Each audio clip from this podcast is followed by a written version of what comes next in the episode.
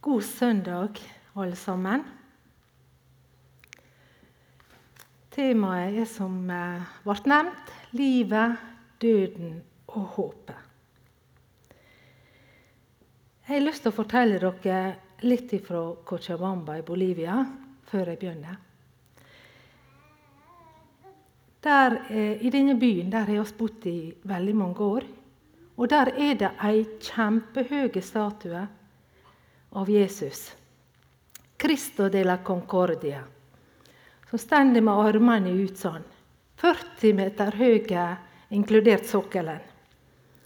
Og Den står på et høydedrag ca. 300 meter over byen. Vi kunne se den nesten samme hvor hen i byen vi var. Og da vi kom hjem til Norge, eller kom til Norge etter tredje periode i Bolivia, så sa yngste dattera vår, og Emilie, som da var bare fire år, til meg en dag 'Mamma, i Cochabamba så veit jeg hvor Jesus er. Men hvor er Jesus her i Norge?' Og Da tenkte hun på denne Kristusstatuen. For den så oss nå alle plasser. Og her i Norge var ikke noen Jesus som hun så. Og da måtte jeg tenke meg om. Og så sa jeg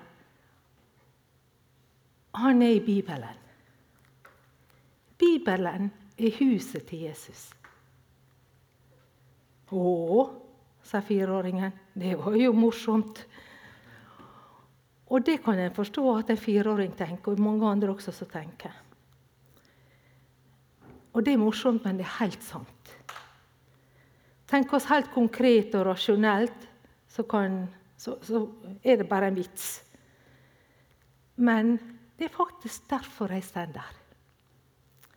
For det at jeg har opplevd, jeg har erfart, og jeg tror at Bibelen er huset til Jesus.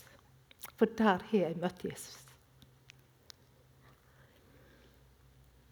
Og det er det jeg har lyst å formidle i dag.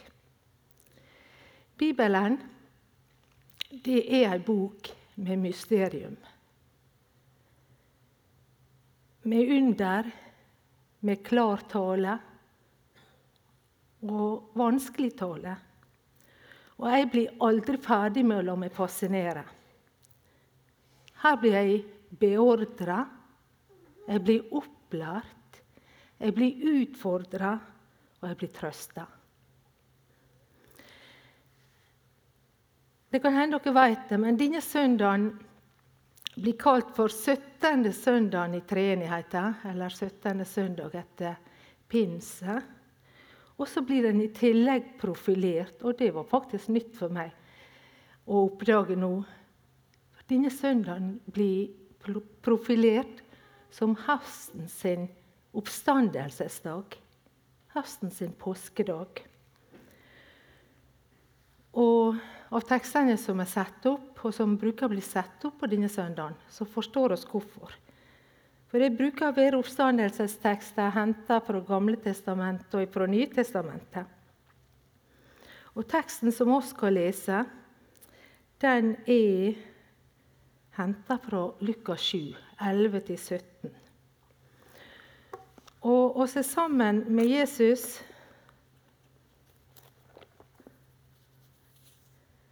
på vei til en liten landsby som heter Nain. Den ligger ca. 10 km sørøst for Nasaret. Og Det er bare Lukas som skriver om denne eh, lille byen. Og også om denne historien som vi eh, skal lese nå. Kort tid etter gav Jesus seg i vei til en by som heter Nain. Læresveinene og mye folk var med han.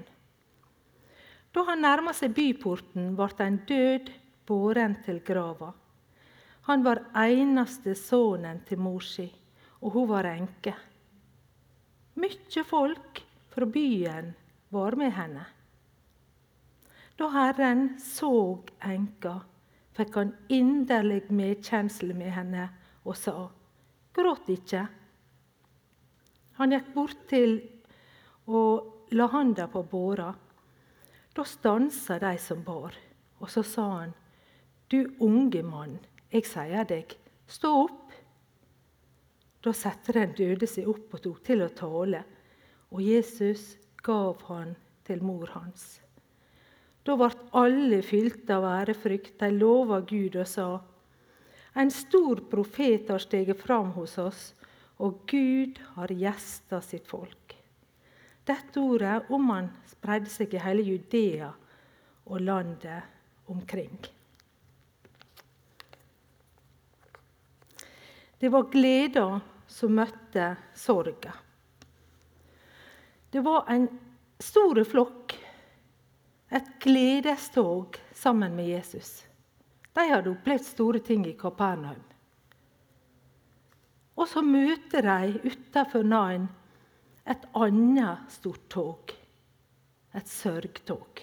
Og de måtte stoppe opp, for dette følget de var på vei til gravplassen utafor byen. Og den døde, det var, det var en gutt. Han var eneste sønn til mor si, som var enke. Og at ei enke også mista sin eneste sønn, det var regna som den største ulykke som kunne ramme et menneske. Det var han som skulle sikre framtida og alderdommen hennes. Og at det var mange som fylte henne til gravplassen, det, det, viser at det var mange som syntes veldig synd henne. Men ingen kunne likevel vise henne en sånn medfølelse som det Jesus gjorde. Og det står at da Jesus så enka, så fikk han inderlig medkjensle med henne. Og På gresk så er det et så sterkt uttrykk at det er faktisk brukt bare om Jesus og så i noen få ligninger. Men han fikk inderlig medkjensle med, med henne. Jesus var sant menneske. Han hadde sanne menneskelige følelser. Han kunne glede seg, han kunne bli sint, han kunne sørge, og han kunne gråte. Nå fikk han inderlig medfølelse med denne enka, og så sa han til henne, 'Gråt ikke'. Jeg kan godt tenke meg at hun syntes det var merkelig, og kanskje lite følsomt, å høre disse ordene. Kanskje hun følte det som hån. Hun som var i ei livskrise, i djup sorg. Og alle oss som har grått og sørga, eller som har møtt andre oppløste tårer fordi de har mist en person som de er glad i. Vi vet at det er iallfall én ting vi ikke skal si, og det er ikke gråt. Men det var det Jesus sa. Og I teksten er det første gangen at Lukas omtaler Jesus som Herren Kyrios, altså Gud eller Javé. Og det var Herren, det var Gud, som sa 'gråt ikke'. Det var ikke fordi han mangla empati. Nei, det står også at Jesus fikk inderlig medkjensle med henne. Og det var heller ikke fordi han ikke takla mennesket som greit. Det står flere ganger i Bibelen at Jesus også gret. Og i Hebreane 5,7 står det faktisk veldig sterkt. Da Jesus levde som menneske, bar han fram bønner og nauderop med høye skrik og tårer til Han som kunne berge han fra døden. Og han ble bønnhørd fordi han var gudfryktig. Jesus hadde dødsangst. Han ville helst slippe å dø. Men han ba om at Guds vilje måtte skje. Han bar fram bønner, nauderop, høye skrik og tårer. Har dere tenkt det om Jesus? Han er prøvd det i alt i likhet med oss, men uten synd. Likevel så var det ingen sympatidød. Han tok på seg våre synder. Han døde for vår skyld. Han forsona oss med Gud. Han vant over dødskreftene. Han vant en evig seier en gang for alle.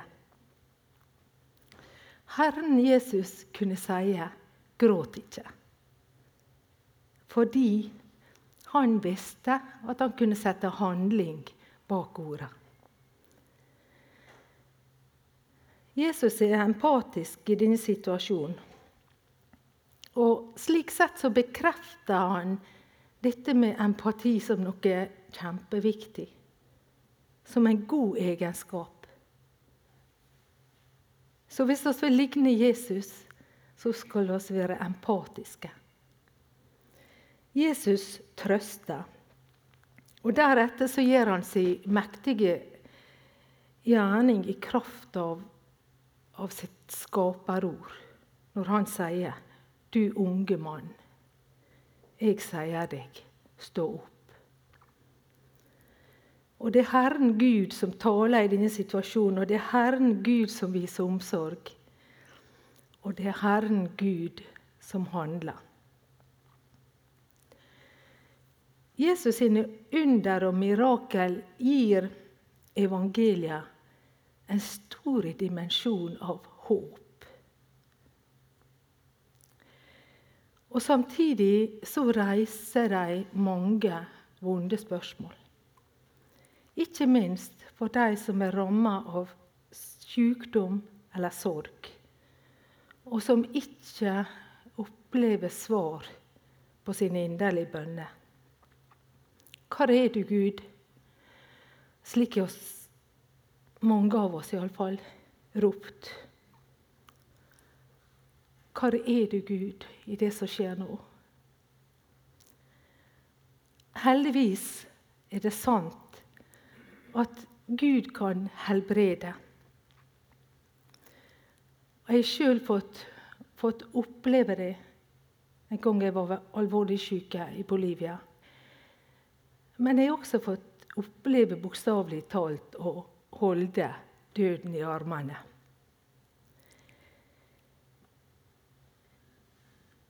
Ofte så opplever oss at våre inderlige bønner ikke får svaret ja fra Gud. Og Jeg har bare lyst til å ta med et sitat eh, av Egil Grandhagen. Mange, kanskje de fleste av dere, kjente henne. Han døde for ett og et halvt år siden. det. Og Noen måneder før han døde, så skrev han følgende. og Jeg har lyst til å lese det som han skrev. Jeg tror ikke på en Gud som gjør slik jeg vil, som svarer ja på mine bønner uansett. Dermed må jeg innrømme at det er mange ord i Bibelen om bønn som jeg ikke forstår. Av og til svarer han nei over lang tid. Er det småting? Kan man riste det av seg? Er det store ting som sykdom og helse, blir det verre. For meg har det vært viktig å reflektere over slikt, og jeg er på ingen måte i mål. Men én ting vet jeg. Alle former for lettvint kristendom er kastet på bålet her hos oss. Mitt gudsbilde handler både om en nær venn som jeg våger å betro meg til, og om en Gud som etterlater seg mange vanskelige spørsmål og livsgåter. Han er fortsatt en Gud som skjuler sitt ansikt, men som har vist oss hvem han er i Kristus.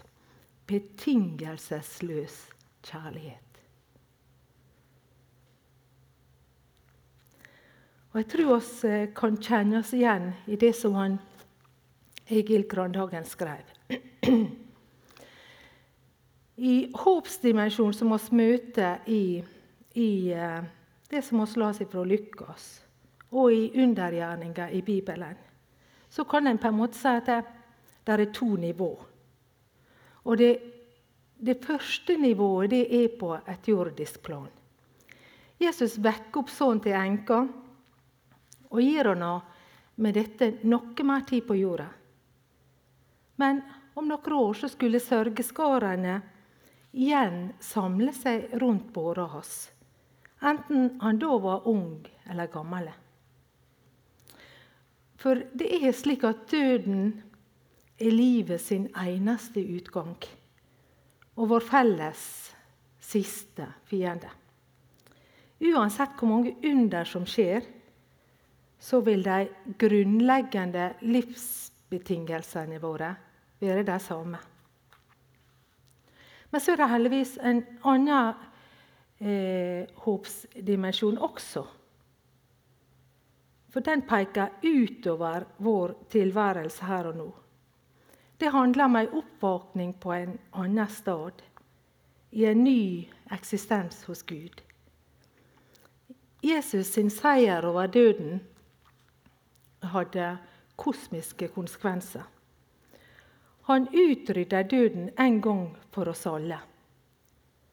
Og det skjedde ved hans oppstandelse. Jesus gjorde ende på døden og førte udødelig liv fram i lyset ved evangeliet, stender i 2. Timotius 1,10. Og det er et vers som jeg minner meg på veldig ofte.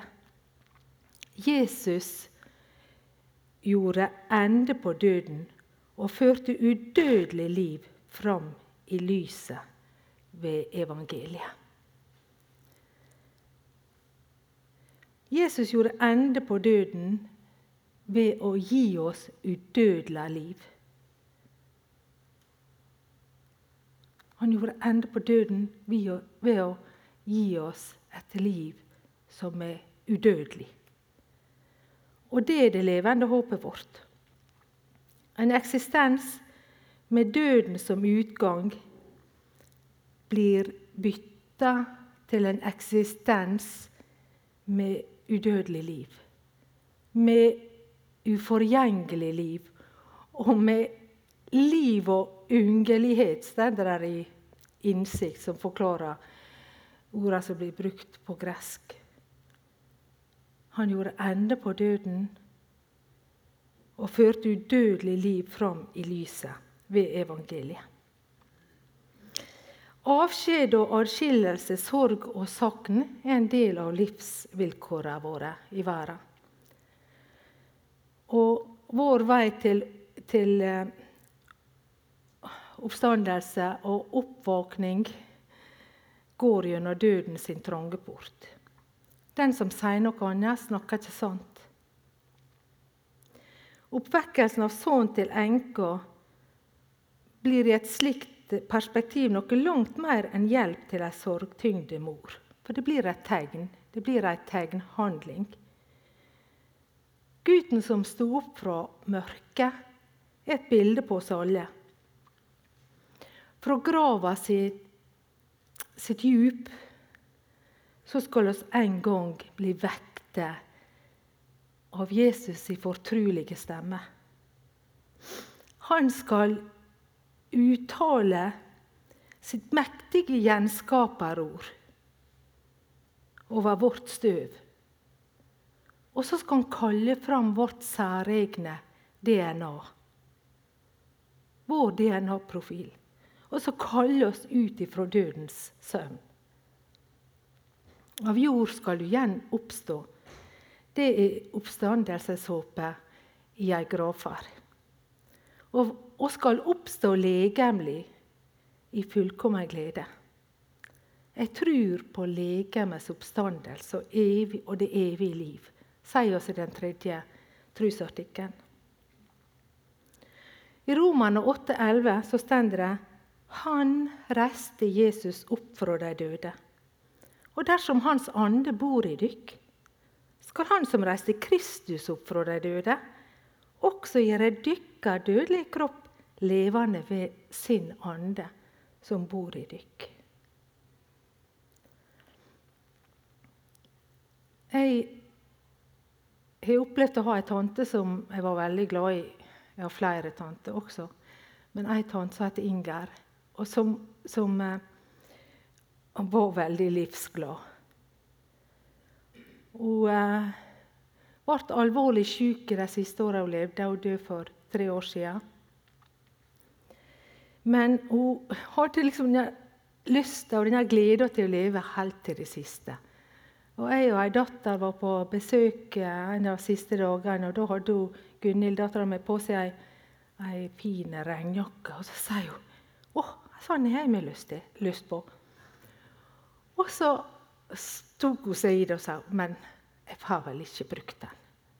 Så får liksom den der livslysten og så realisme samtidig. Hun var glad i livet.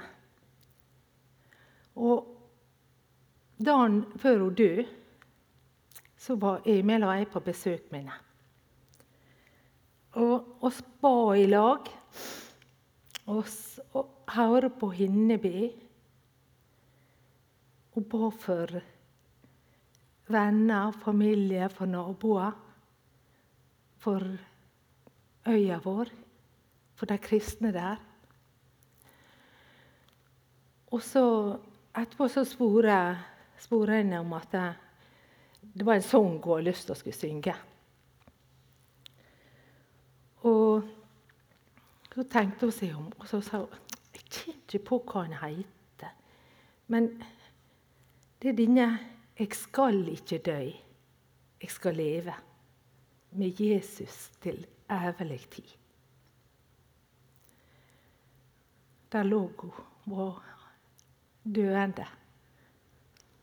Men det var sangen hun hadde lyst til å synge. Og så sto vi der, da, Emil og jeg, og, visste noe om sangen, kjenner noe godt sangen, men vi kom ikke på hvordan han begynte. Og så sier hun til han ting. Jeg tror det er nummer 288 i sangboka. Og vet, altså, Alle dere som er unge, er ikke vant med sangboka, men mange kunne sangboka og visste hva sanger som sto på det og det nummeret. Og Jeg var så henta ei sangbok, og på 288 der stender sangen 'Takk at du tok mine byrder'. Og siste setning i den sangen, den er dine. Jeg skal ikke dø, jeg skal leve med Jesus til evig tid. Det er høstens oppstandelsesdag i dag. Og da han møter oss med et levende håp.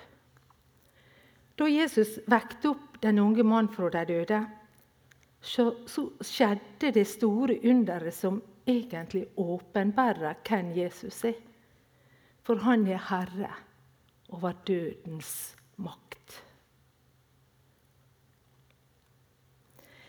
Temaet er livet, døden og håpet.